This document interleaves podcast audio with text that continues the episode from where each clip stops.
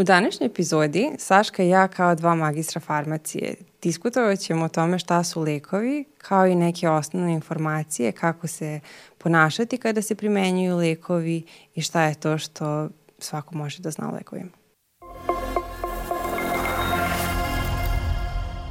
Prvi lek se pominje u prvom veku pre nove ere i a, zove se terijak i to je bila neka kombinacija vitamina i minerala u obliku smole ili neke polučvrste mase i koristilo se za sve i svašta. Prvo, prvo je bilo namenjeno da se koristi kao protivotrov, pa su ga posle namenili kao lek za sve. To se inače zove panacea. Tako da to je neki prvi zapis o leku. A kada danas pričamo o lekovima, koja je to definicija leka? Možeš li nas prosvetliti?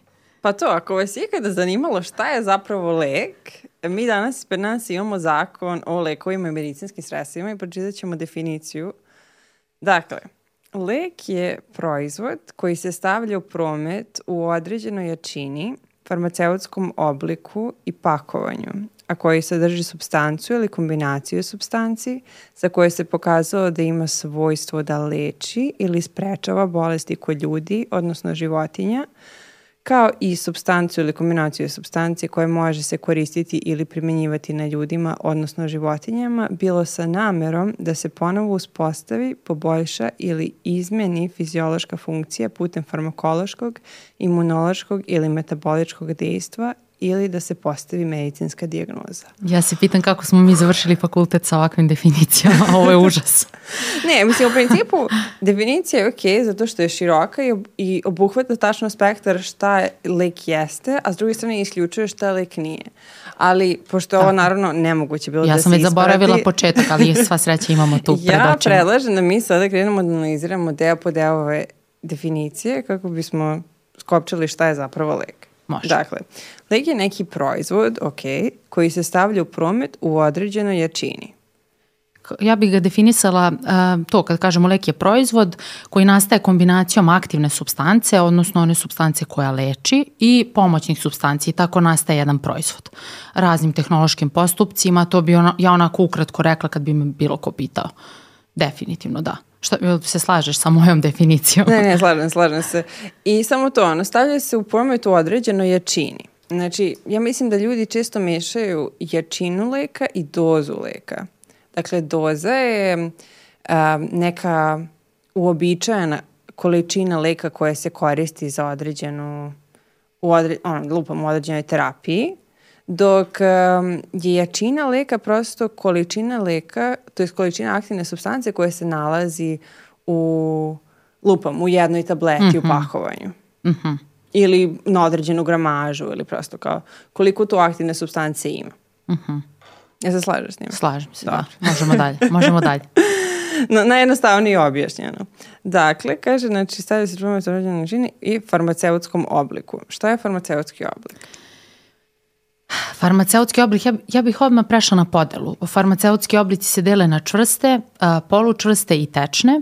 I a, kada pričamo o čvrstim a, farmaceutskim oblicima, tu imamo tablete, zatim kapsule, a, zatim pomozi mi, sad mi ništa ne pada na pamet, ali sad ću vam reći, praškovi, da, to sam zaboravila, praškove i čajevi spadaju isto u čvrste oblike i sad svaki od tih se još deli na milion nekih podvrsta. Uh, a ne znam da li ti je, nije bitno, ok, dobro, slažem se. Keep it in e, your da, e, pants. E, zatim, zatim polučvrsti su masti, paste, gelovi, kremovi i transdermal, transdermalni flasteri i imamo tečne oblike, rastvore razne za oko, grlo, uho i tako dalje i parenteralni oblici lekova, odnosno injekcije, infuzije, vakcine i serume i imamo lekove u obliku gasa, aerosola, odnosno u obliku spreja. I da, prema primeni i nameni se dele na lekove za spoljašnju i na lekove za unutrašnju primjenu. Sad to je ono nekako na brzinu, ali baš ima puno toga, što Jasno. nije bitno za većinu ljudi. Pa dobro, mislim, bitno je da razume, lupam, tableta nije sinonim za lek. Tableta je samo jedan od farmaceutskih oblika, odnosno oblika kojim lek može da se primenjuje. Slažem se. I ti farmaceutski oblici variraju u smislu uh, um, neke substance, jedan variraju toga šta se leči. Znaš, kao lupam, ako imaš osip na koži, veća šansa da ćeš da primenjuješ neku kremu nego da primaš infuziju za njega. Mm -hmm. A, s druge strane, može da varira i od toga kakav je lek u pitanju. Neki lekovi nisu stabilni pa ne mogu da se čuvaju kao tablete, već prosto zahtevaju komplikovani farmaceutski oblik.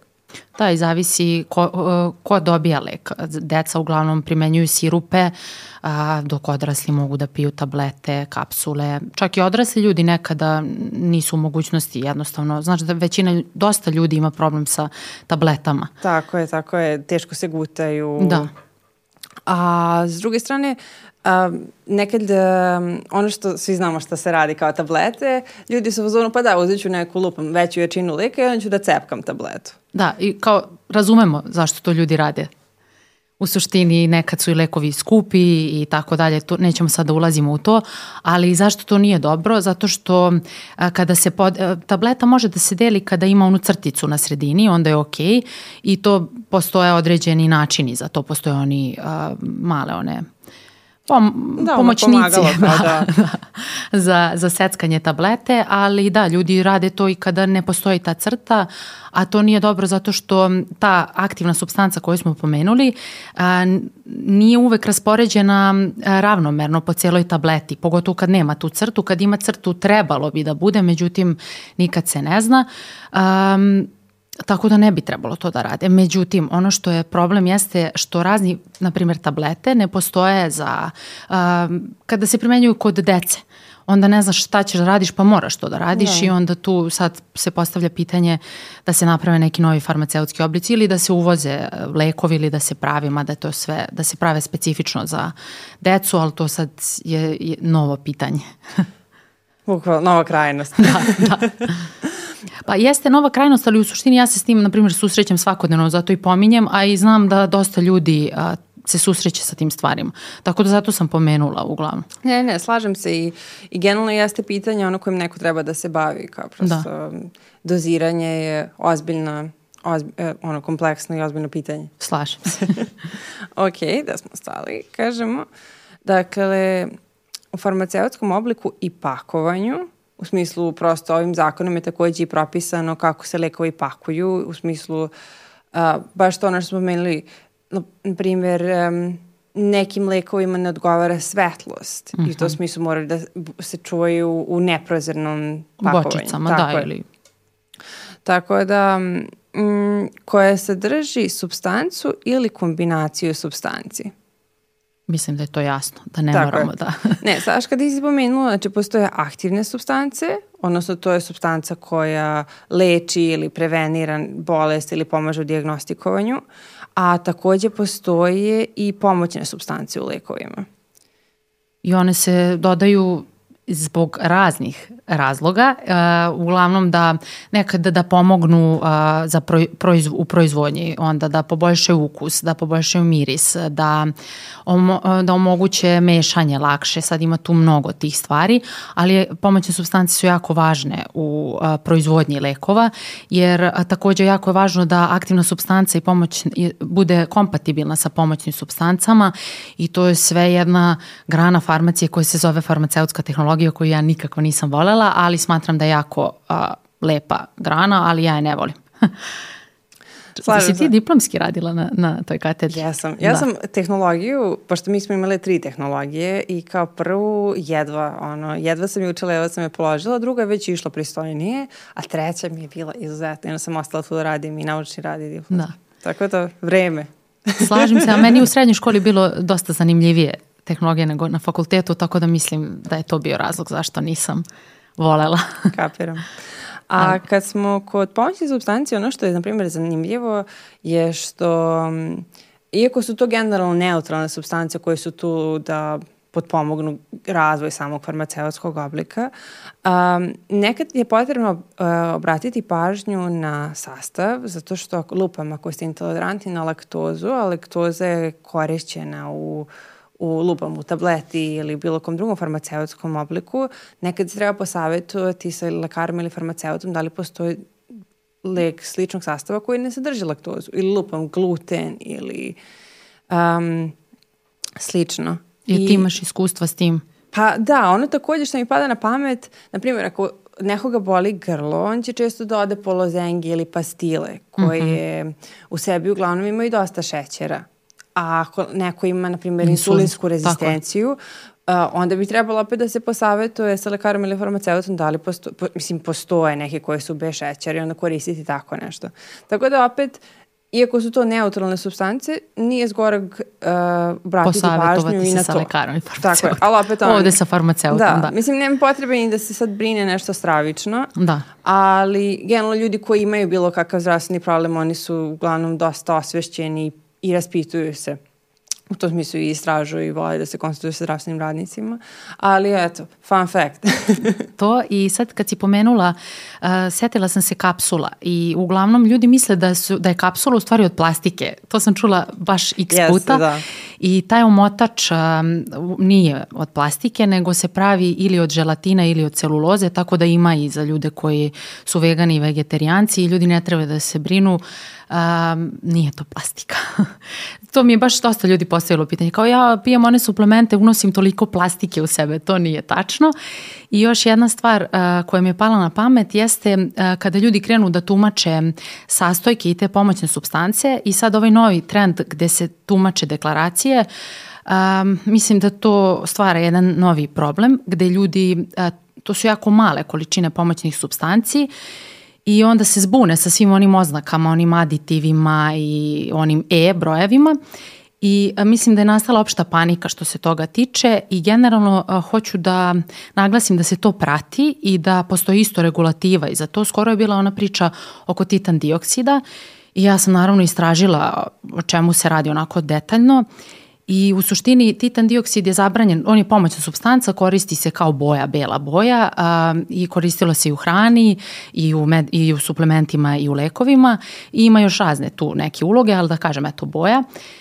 I uh, dovelo se u pitanje njegova bezbednost, u smislu da li je on genotoksičan, odnosno da li utiče na plod i uh, u jednom momentu to nije utvrđeno i mora još, postoji neka zabrinutost i zato su krenuli da istražuju to detaljno i 2021. su izbacili to iz um, hrane, da, znači zabranjeno da se dodaje u hranu, međutim kada su lekovi i medicinska sredstva u pitanju, uh, a, nije još donet zakon. A, negde do 2024. bi trebalo da, da, da se donese nešto novo, kao šta će biti s tim, ali ono što je problem jeste što ljudi kad pročitaju taj broj, titan dioksid je E171, oni panično kao neće da piju te lekove i suplemente zato što su negde to pročitali.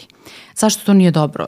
Nije dobar način razmišljanja. Prvo, da bi se taj titan dioksid izbacio iz lekova i medicinskih sredstava, uh, to jest iz lekova i suplemenata, pardon, mora da se nađe neka zamena. E sad, za to je potrebno vreme i onda uglavnom zato i to se sve prati i nije to, znači bukvalno nije, nema tolike potrebe za zabrinutošću kada je taj aditiv u pitanju i mislim da je nastala panika i kažem, znači kada vi, ne treba da se tumače deklaracije na lekovima zato što to sastav lekova tači zato što nastane opšta panika i to je to. Mislim, ako imaš neko potpitanje, jer da ne širim priču za ovaj titan dioksid, jer kažem ti baš je nastala pometnja sa tim. Ne, slažem se, ne bi sad dubila previše, ali, ali to je to, nekako, ako je nešto testirano, lekovi su testirani. Da, kao u tom da. smislu, većina tih lekova je na tržištu milion godina i kao to malo titan dioksida što se nalazi u leku. To je jako mala količina. Tako je.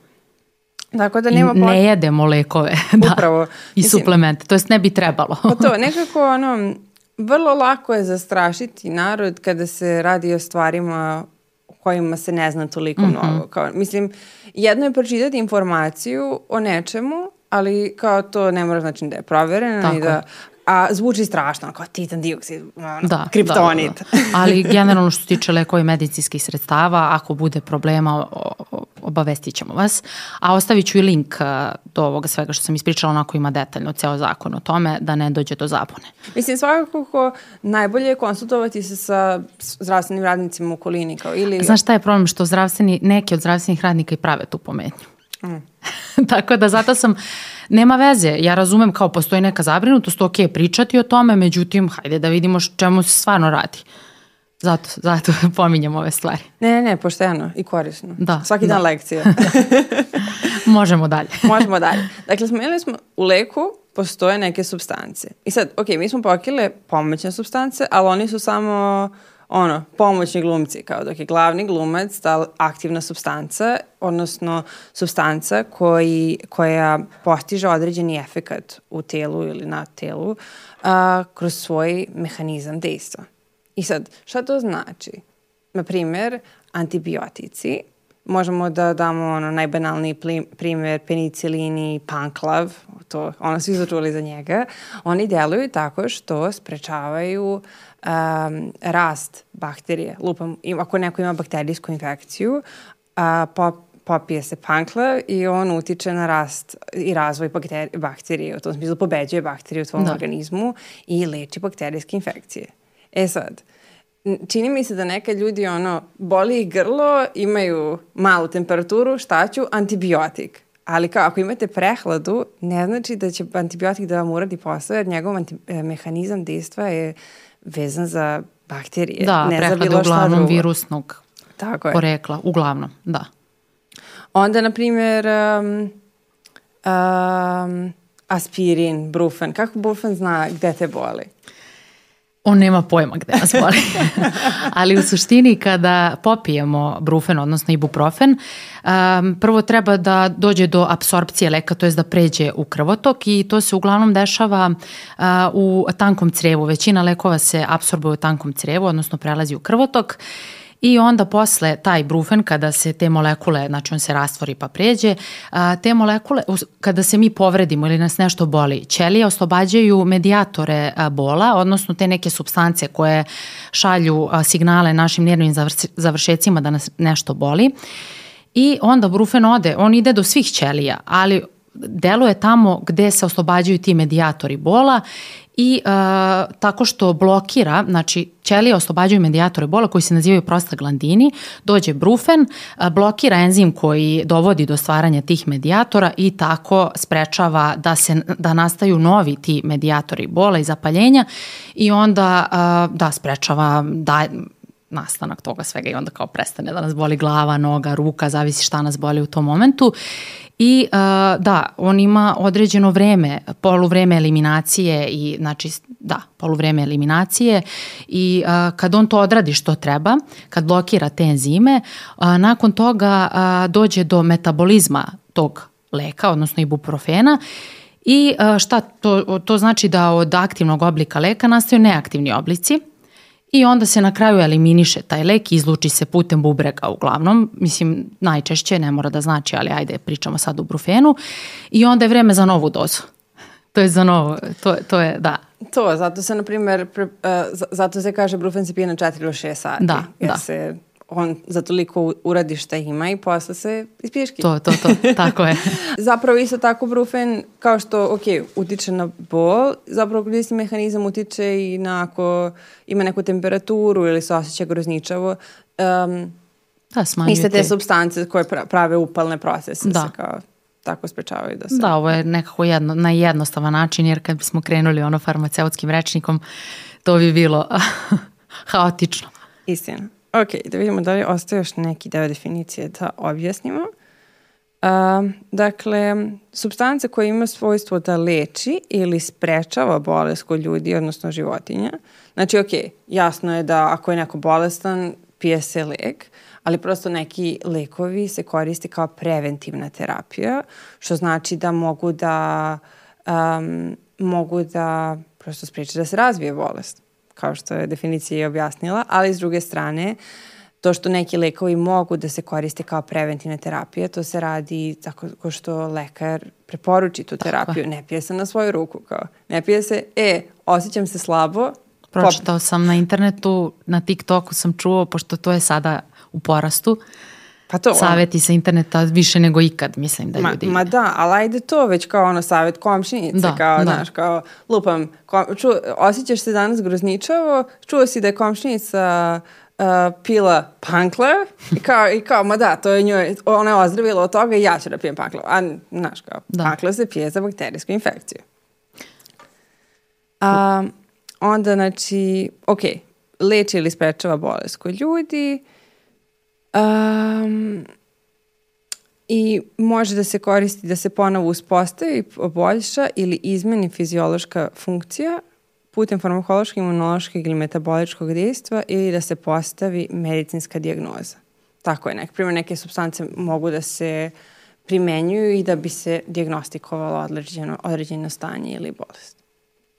I to je manje više to što se tiče te definicije. Kaže, tako to. je, da. Mislim, ovaj zakon je veoma opširan, tu postoje Mislim, on je dostupan internet, ako iko, za, iko ga zanima da se stvarno informiše šta znači koji lek i šta je lek i kako se radi, bilo šta u vezi sa lekovima, bilo da je izdavanje dozvola, klinička ispitivanja, stavljanje u promet, oznake na pakovanjima. Oglašavanje. To, tako da može da se potraži ovde I ako nekoga zanima, lupam, šta je biljni lek, šta su tradicionalni lekovi, šta je homeopatski lek, takođe je ovde definisan. Ja bih se tu osvrnula na biljne lekovi, na tradicionalne biljne lekove. E sad neću to po zakonu, nego ono što je meni zanimljivo jeste za tradicionalne biljne lekove, što je meni ostalo još sa fakulteta.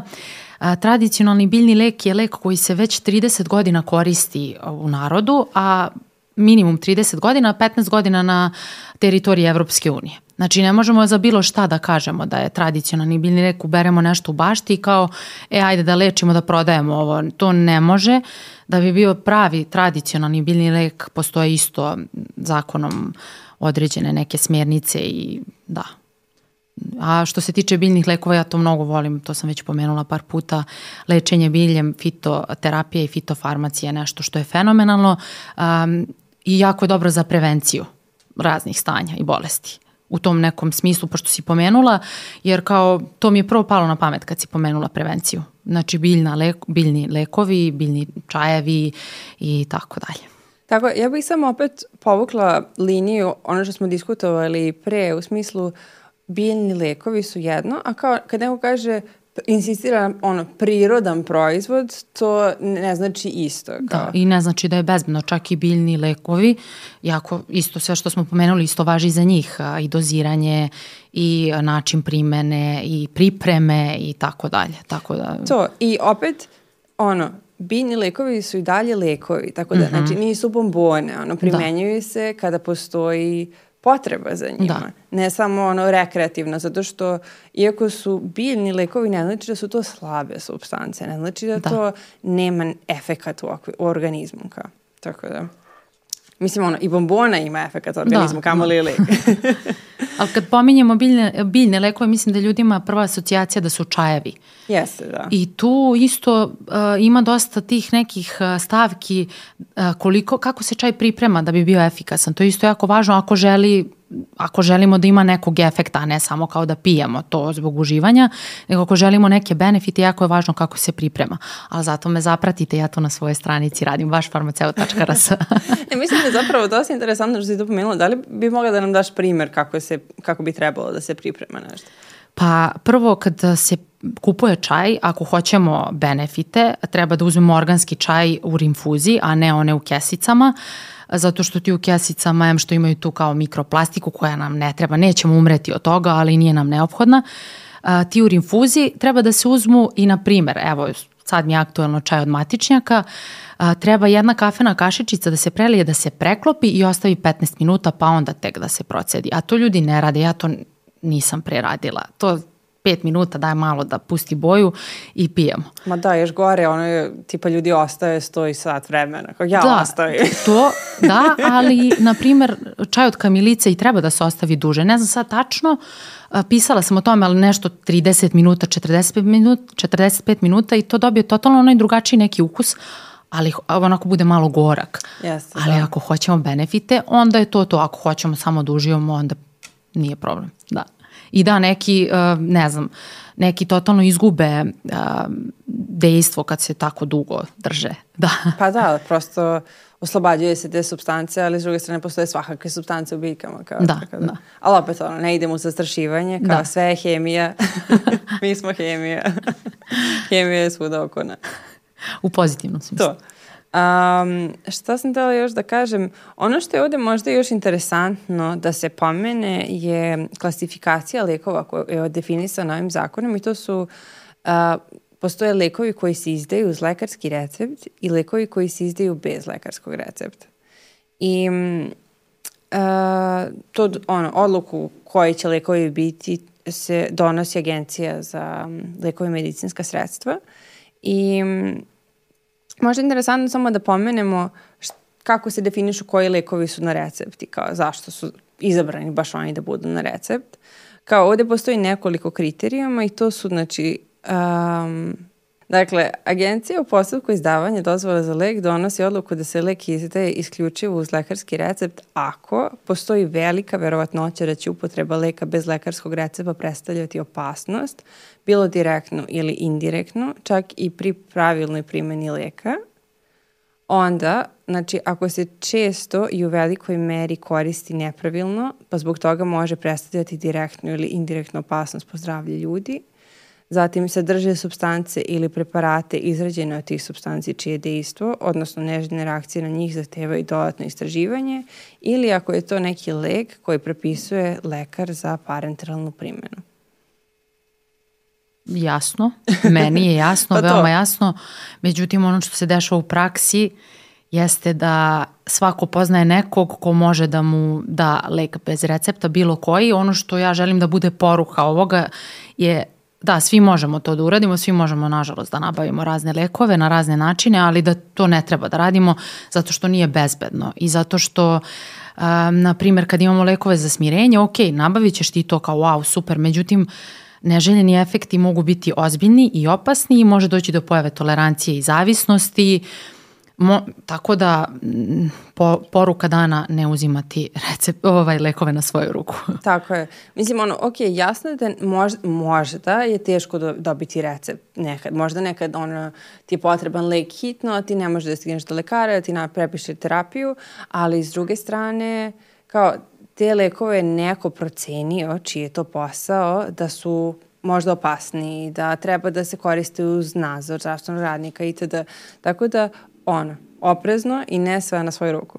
Čak i ovi uh, lekovi koji se izdaju bez lekarskog recepta isto mogu da imaju, mogu da budu jako, da imaju ne, ozbiljne neželjene efekte ako se ne koriste na pravi način. Tako da se tu dovodi uh, sad, je, javlja nam se jedno novo pitanje, to je šta je racionalna upotreba lekova. I to se ja sećam još sa fakulteta kao 5P pet uh, slova P, a to je uh, pravi lek u pravoj dozi, u pravo vreme, za pravu osobu i pravim putem primene. A ko će to da zna? Ko će to da nas posavetuje? Naravno farmaceut i lekar. I to je to. Tako da treba se držati toga i često da, često dođe do toga na kraju dana da se ljudi sami snalaze. Zašto? To je sad drugo pitanje, ali racionalna upotreba leka je jako važna. Uh, da ne bi došlo do pojave neželjenih efekata i da bi došlo do uh, ispoljavanja svih benefita od koje ta terapija treba da pruži. I ono što se tu postavlja, još jedno pitanje jeste, stalno pričaju o farmaceutskoj industriji da Uh, eto, kao nije, svaki lek ima neželjene efekte, oni samo prave lekove, javi se jedan neželjeni efekt, leči se drugim lekom, to nije baš tako kada je racionalna upotreba lekova u pitanju, to, ne treba, to nije tako. Jeste, postoji ta kao taj ta mitologija u da. smislu kako farmaceutska industrija samo profitira na bolestima ljudi kao, ok, piješ lek za jednu bolest, on ti izazove tri. Da. tri mu dođu na pa, sahranu. uglavnom, uglavnom ako se koristi neracionalno, e sad tu isto nekad su, nekad je sam pacijent uh, da kažem odgovoran za to zato što je uzeo lek na svoju ruku, a nekad i tu dođe do raznih um, problema u komunikaciji između pacijenta, lekara, pa onda zdravstveni sistem i tako dalje i tako dalje. Pa da, i kao ono, mislim, filo, jedan, jedan filozofski da. komentar kao prosto ljudsko telo je kao ono, dosta komplikovano, mislim, mi se mislimo, mi ga svi uzimamo zdravo za gotovo zato što, eto, rođeni smo s njim, živimo u njemu, ali kao to je prosto ono, znaš, ljudi zapravo znaju vrlo malo o svom telu da. i kako on, ono funkcioniše. Zato smo mi tu kao da im objasnimo šanice i mi učimo svakodnevno i jako je, jako je zanimljivo, meni je mnogo zanimljivo. Sve ovo što pričamo meni je zanimljivo. A mi ćemo ja uđem, slušati ovaj ja uđem onako do, do, do receptorskog nivoa, ja to volim i znam da malom broju ljudi je to zanimljivo, ali ajde vidjet ćemo. Da li bismo možda mogli da pojasnimo šta znači indikacija i kao primjena leka u smislu na osnovu toga? Ja treba da pojasnim to. Pa ja ću da ti pomognem. Šalim se. U principu, A, ovo smo dotakli malo pre, ali kao indikacija je razlog zašto bi neki lek trebao da se primeni. U tom smislu, kao, i to je to, uklapa se u racionalnu primjenu jer bez razloga nema potrebe primjenjivati lekove. Ali, i kao svaki lek ima, de, ono, ima definisane indikacije kao zašto se primenjuje na osnovu svog mehanizma i generalno svojih efekata. Ali, postoji nešto se zove i off-label primjena, što je kao nije zvanično potvrđen efekat ili barem lekovi nisu namenjeni da se koriste za to, ali mogu da se koriste. Uh mhm. -huh. Ali imaš neki primer? Pa ja znam jedan, ali opet ovo, ne bi ovo, lupam, metformin je lek koji se koristi kod insulinske rezistencije ili kod diabetesa, ali, ali takođe može da se koristi uh, kod ono, weight management u smislu upravljanje gubitkom kilograma. Da, da, e sad... Ali opet, ne bih preporučila sad neko čuje ovo i kaže želim da smršam idem da kupim metformin zato što ne mora da znači da će se to desiti. Da, niti... i to sam ja, bila je afera opet sa tim a, lekovima protiv a, lekove za lečenje diabetesa i insulinske rezistencije i ljudi su masovno kupovali to zamršavljanje i prva stvar je što ako pričamo o tome što se tiče tog leka koji, si pomenula, jako mali a, broj kilograma se izgubi koji će se vratiti odmah čim nastaviš da jedeš onako nezdravo da. ili Već, mnogo to. veći efekt ima ona pravilna ishrana. Tako nego... je, da. I to je da kažem negde da pomogne o, onom prvobitnom problemu, s te strane može da pomogne. Ja imam nekoliko primera, a, a tu je antihipertenzivi pojedini se koriste za lečenje noćnih mora. A, zatim isto je jedan antihipertenziv se koristi za, u terapiji ADHD-a odnosno poremeća deficita par. Mora, zapravo neki lekovi koji su to ono koriste za pritisak srca mogu da takođe... I da izazovu. Tako da, je, tako da, da ono. Beta blokatori mm. a, mogu da izazovu, da.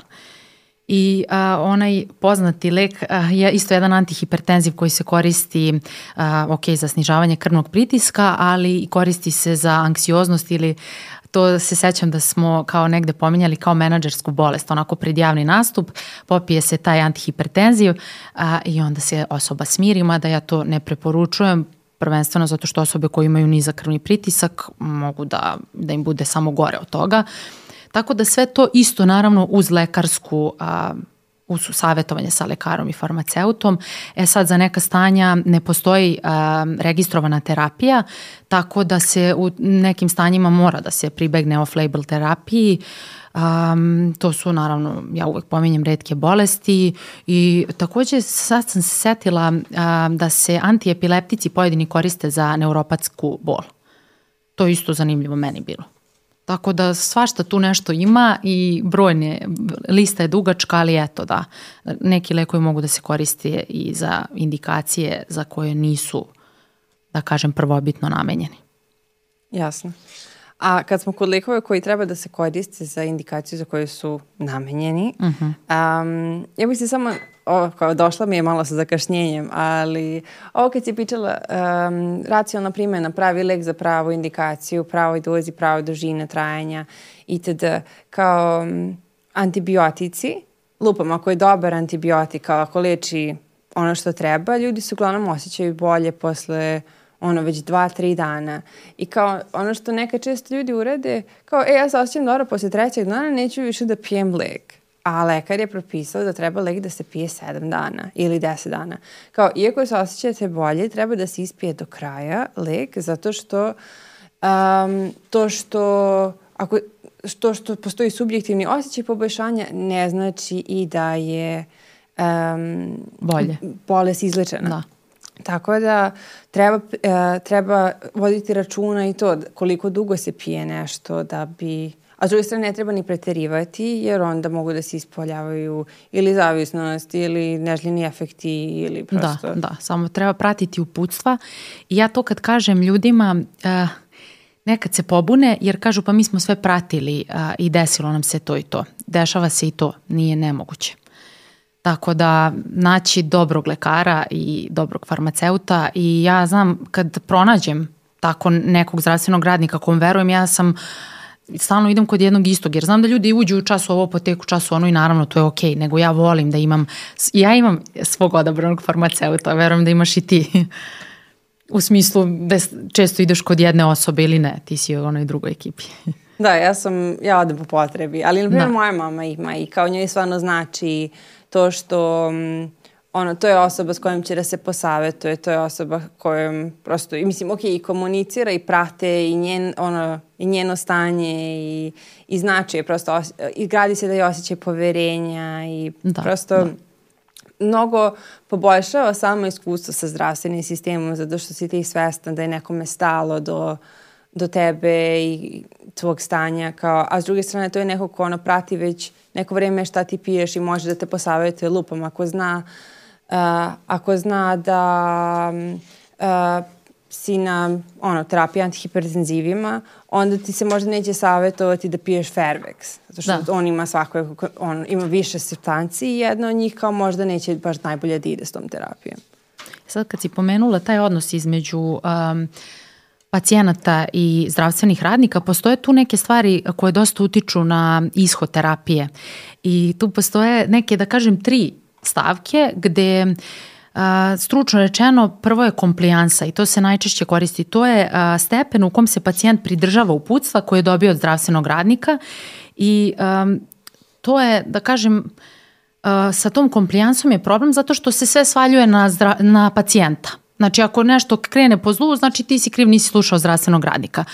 A, naravno da treba da se pridržavamo uputstva, ali a, onda kada pacijent, na primjer, ima neki, to kao što si pomenula, razne, tera, razne lekove u terapiji, a, onda ima razne ograničenja, možda ne može da pije to, možda ne može pet puta dnevno da pije lek a, zbog posla i tako dalje. Jako je važno da a, ta terapija nastane, da kažem, kroz neko savetovanje i kroz razgovor između pacijenta i zdravstvenog stručnjaka i znam da je to teško jer zahteva dosta vremena, ali mislim da, da je sad sve to češće i to drugo, znači gde um, se zdravstveni radnik dogovara sa pacijentom se naziva adherenca.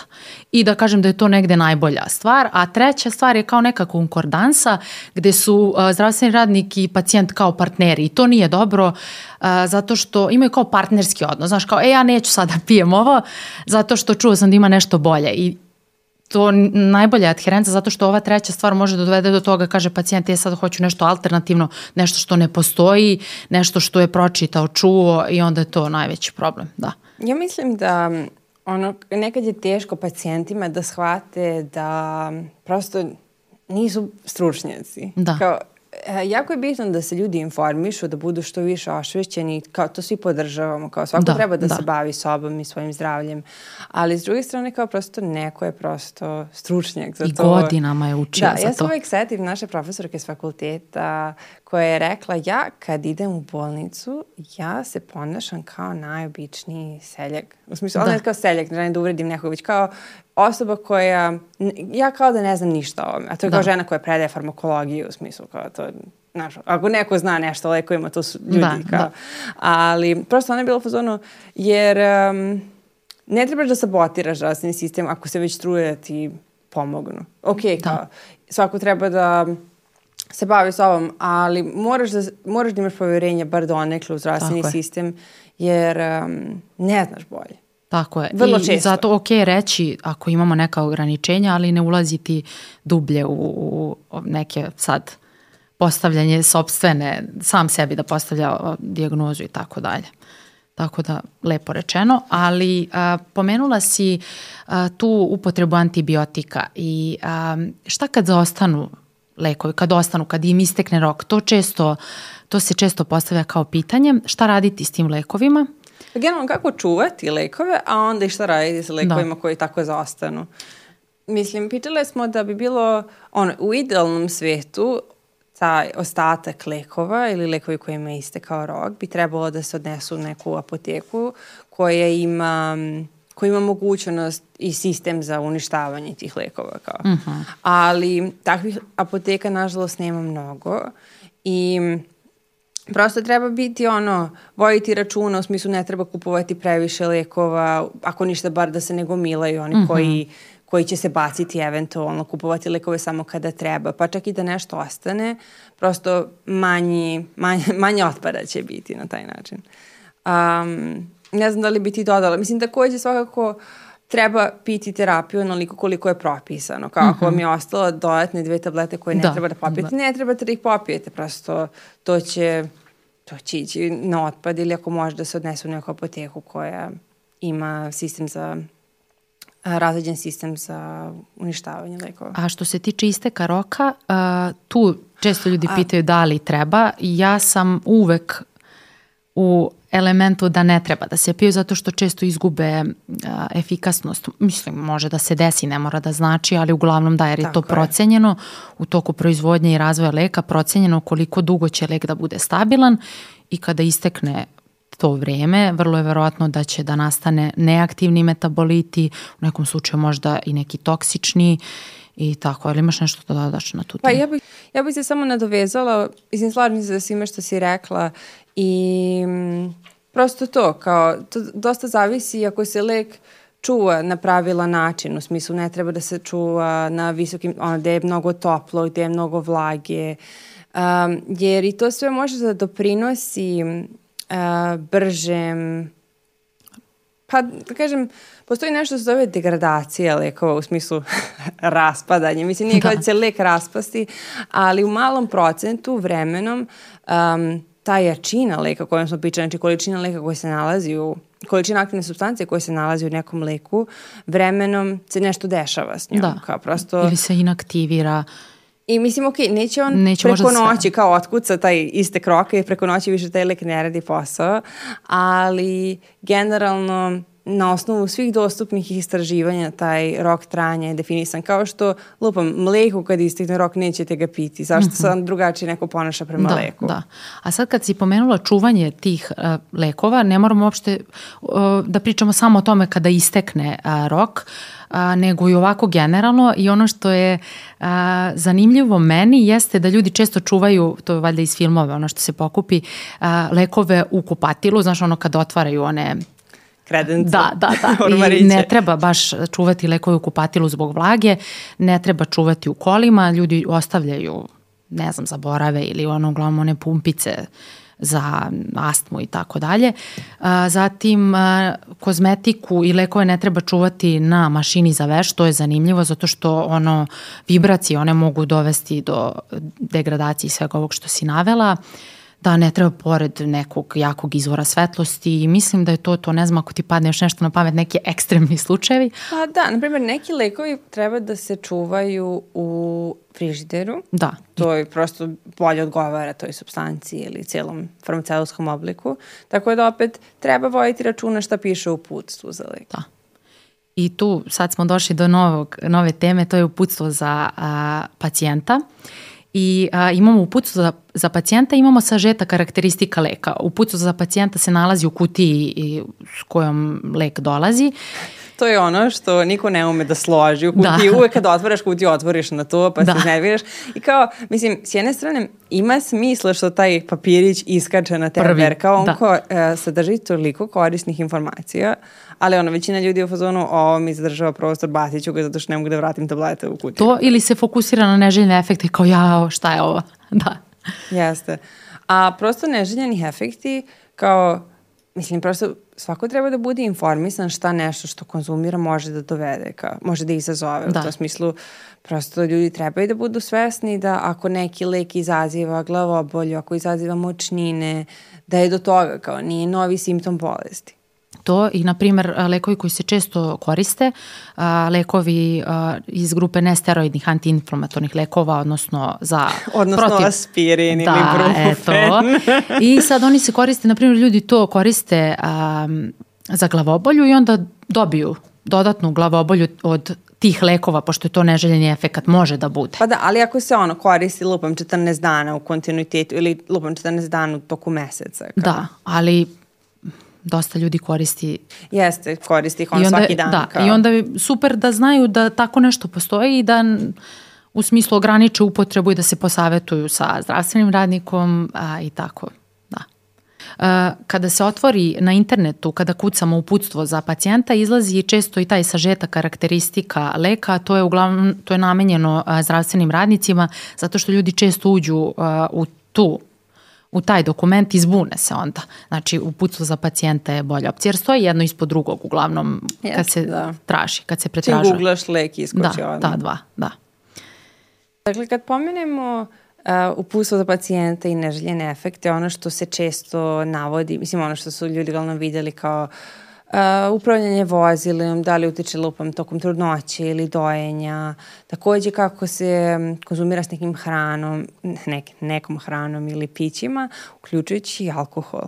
I u tom smislu kao za većinu lekova, na primjer, ok, jedna čašica ne bi trebalo da utiče značajno, sem ako nisu neki posebni lekovi kao neki antibiotici, ne svi, ali na primjer metronidazol može da izazove, Da, antibiotik. Tako je, može da dovede do značajnih, um, do teških, mislim, pa da, do težih reakcija, prosto ne treba. Ali baš zato je zgodno da se n- neko pročita kao da bi znao. Naprimjer, uh, i naravno onako ne treba preterivati sa alkoholom jer um, Da. jer mislim i to je neka substanca kao koja koja može da interaguje.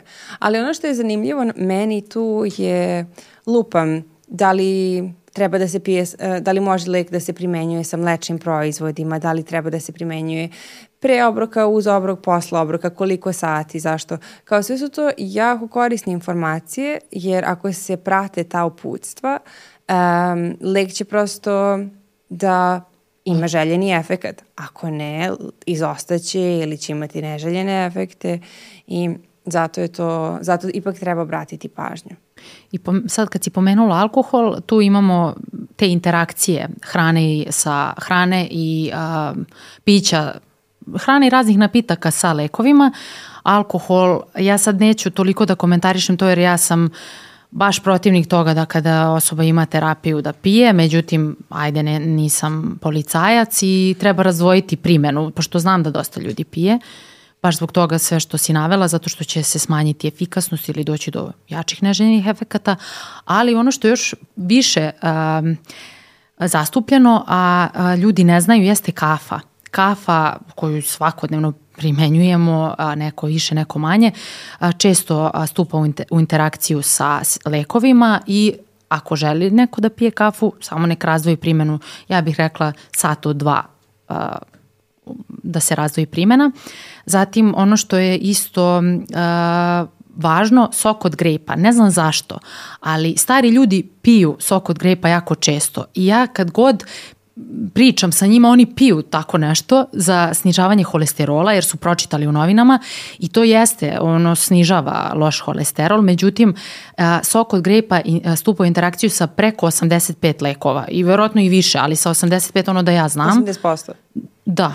A, Ili- Ili, 85 ali- aha, lekova. generalno, da, aha, da se zna da postoji lista i uh, zato ne treba da se piju isto vreme ili razdvojiti primjenu, posavetovati se sa farmaceutom jer mislim da je jako važno da lek deluje jer će više lek delovati nego što će taj sok od grepa, a napravit će haos, pogotovo kod starih ljudi koji piju baš puno lekova i ne znam zašto, ali kad god pričam s njima, uglavnom piju tako neki napitak za detoks, za ovo, za ono, ne bi trebalo zato što ti voćni sokovi, naročito citrusi, a, smanjuje efikasnost. Takođe, ljudi čas, često pitaju sa čim smeju da piju lekove, sa čašom, punom čašom vode.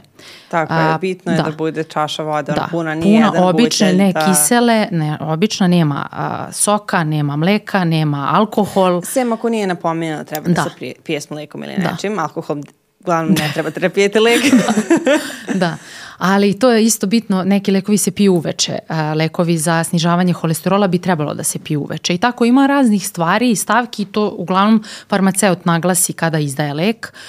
Um, šta je još tu, što se interakcija tiče čaj od kantariona, to sam baš pomislila čaj od sad. kantariona. Da, ne, a, generalno se koristi um, da, da ublaži simptome depresije, podiže To. raspoloženje. I uglavnom se koristi kod blažih oblika, Da. na primjer.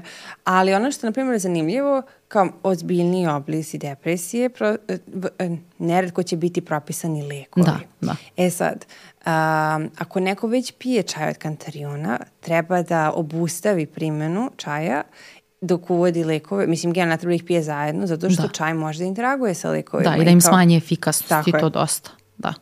To, a s druge strane kantarion, generalno i ulje i čaj od kantariona su fototoksični, znači ako biste pili čaj od kantariona i izašli da se sunčate, dobili biste opekotine. E sad, To je prva stvar, a druga stvar je ulje od kantariona kojima se ljudi, kojim se mackaju leti. Generalno nijedno ulje nije dobro da se namažemo pa da se pržimo, to nikako, a od kantariona posebno zato što će doći do pojave plikova, opekotina i to jako ozbiljnih.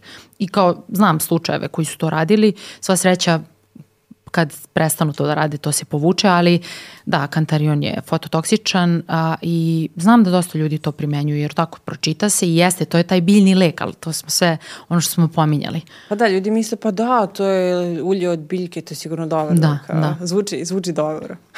Nikako, nikako se ne izlagati suncu u tom kontekstu kao. A pomenuli smo znači, interakcije lekova sa ok, nekim namirnicama ili nekim biljnim lekovima i takođe mogu da interaguju i lekovi međusobno. Da, da. A, zato je ono bitno vojiti računa da se kad se šta pije, ako može terapija da se razdvoji. I ako je i, potrebno, nekad nije je. potrebno. Da, a nekad I, jeste i to sve. I takođe može da in, lekovi mogu da interaguju i sa suplementima. Kao. Da, da. Tako da sve što neko unosi se broji. Nije ono kao, ok, pijem mleka, a ovo ostalo ma šta, to je ovako usputno, kao ne. Sve se broji, kao zato treba biti, treba obratiti pažnju i treba koristiti sve što se može pravilno i samo kada je potrebno. To. I sad ne znam, mle, pominjala si mleko i a, mleko i mlečni proizvodi ne treba sa a, antibioticima. I sada ljudi ne bi Ali pamtili, ne svi, da, da, sa tetraciklinima. Pominjali si malo pre neželjene efekte, a ja ne bi bila ja da ne izvučem neku ono kao a, dodatnu stvar koja nikom nije bitna. Da li te zanima možda neki a, neobični neželjeni efekti? Može. Gospođo. Grupa lekova koja se koristi za lečenje Parkinsonove bolesti i sindroma nemenih nogu, kao neželjeni efekt može imati nekontrolisane nagone za kockanje, kockanjem, povećane seksualne nagone, povećani nagon za šopingom, impulsivne odluke. A, takođe, da, nebitno sad imena neću da pominjem. To, ako, ako imate nekog u porodici koji koriste ove lekovi odjednom kreće da se kocka, da, možda ali da dobro, kao... mislim, meni je zanimljivo i, i korisno mi je kao, Ba jeste, treba kao da farmaceutu, kao ovi zdravstvenog na, radnika. nagoni odjednom. Kao. Da, da. A, onda razni antiepileptici, a, posebno valproat, toga se sećam još sa fakulteta, kao neželjeni efekat imaju kovrđanje kose. Znači od ravne kose postane totalno kovrđava. Sad ne znam, zaboravila sam šta se desi kad se prestane sa terapijom. A, spironolakton a, kao neželjeni efekat ima ginekomastiju. Mislim da je to jako bitna informacija. Ginekomastija je A ne, mislim da ćeš ti da dodaš kao... Pa može, Prosto da. Is, dodatno ispoljavanje nekih ženskih karakteristika, kao na primjer kod muškaraca to može znači da rastu grudi Da, ili... da, da. Spironolakton. Sad ne znam ako nekom, možda će nekom biti od koristi. A i generalno zdravstveni radnici koji slušaju to, ne znam, ja zaboravim tako neke stvari pa valja se podsjetiti. Rifampicin, uh, mislim da je on antituberkulotik, boji znoju naranđasto, A, razni antidepresivi imaju kao neželjeni efekat bruksizam, odnosno škripanje, škripanje zubima. I jedan lek zanimljiv, boji krvu zelenu, ali to je jako redko. Da, to je baš onako fun fact. To, ali opet, znači podlačimo o neželjeni efekti se on ne javljaju kod svih. Da, a čak i... I s druge strane, ne, to, ako neki lek ima ovakav neželjeni Da. efekt, Ja znam- ne treba da ih koristite. Kao ako hoćete imati kovađa u kosu, Tako ono. Ne, idete kod idi u- frizera, ne pijete lek za to. Da, pa pritom zato nisam ni uh, ove za kovržavu kosu ne možeš ni da dobiješ sva sreća, a i kao neće se ispoljiti, da.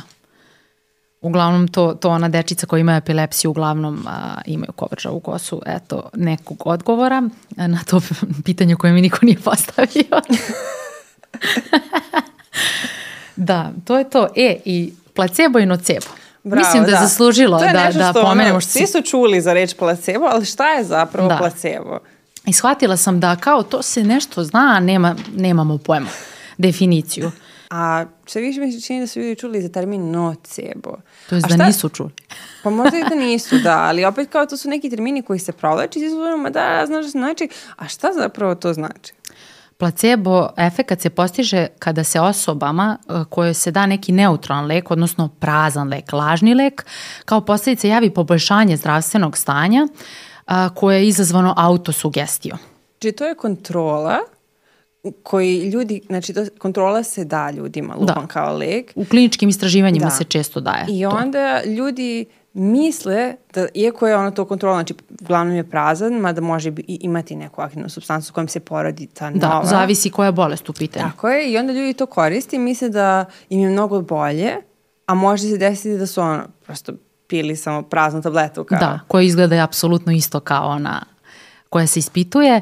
A da, tu je taj psihološki moment veoma jak i uglavnom ne znam, ne znam šta bih dodala tu. Jako je moćna stvar taj placebo, ali nije sve moguće.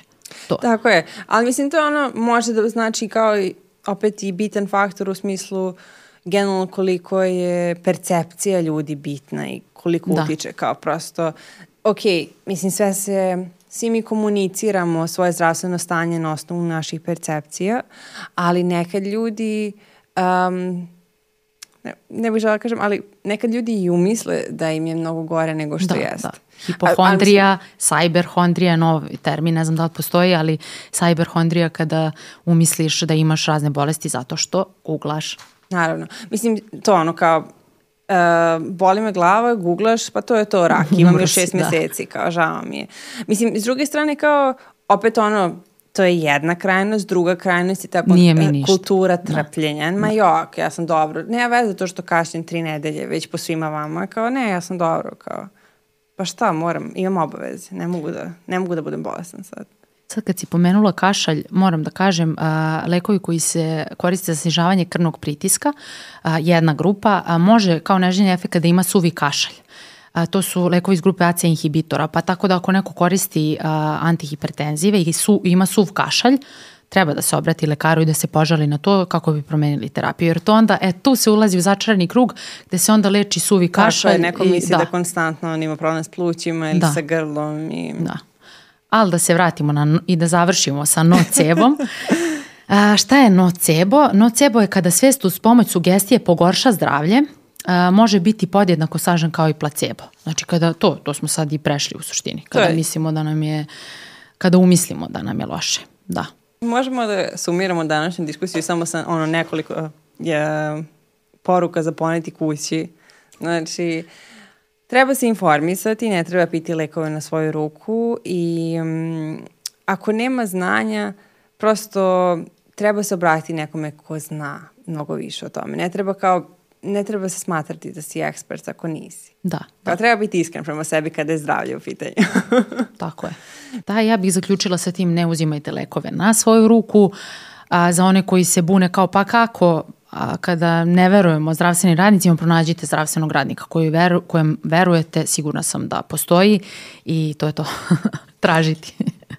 Pa da, mislim, znaš kako, lako je reći nađite, kao, ok, da. mi razumemo da postoji toliko izazova i da što se čovjek više informiše, to je zapravo mnogo Zbunjeni. lakše da bude zbunjen, zabrnut, prestravljen, nego što će se oćeti konformno sa svime oko sebe, ali to je to, prosto povlači se neka linija uh, kako bi se održavao kvalitet svog života.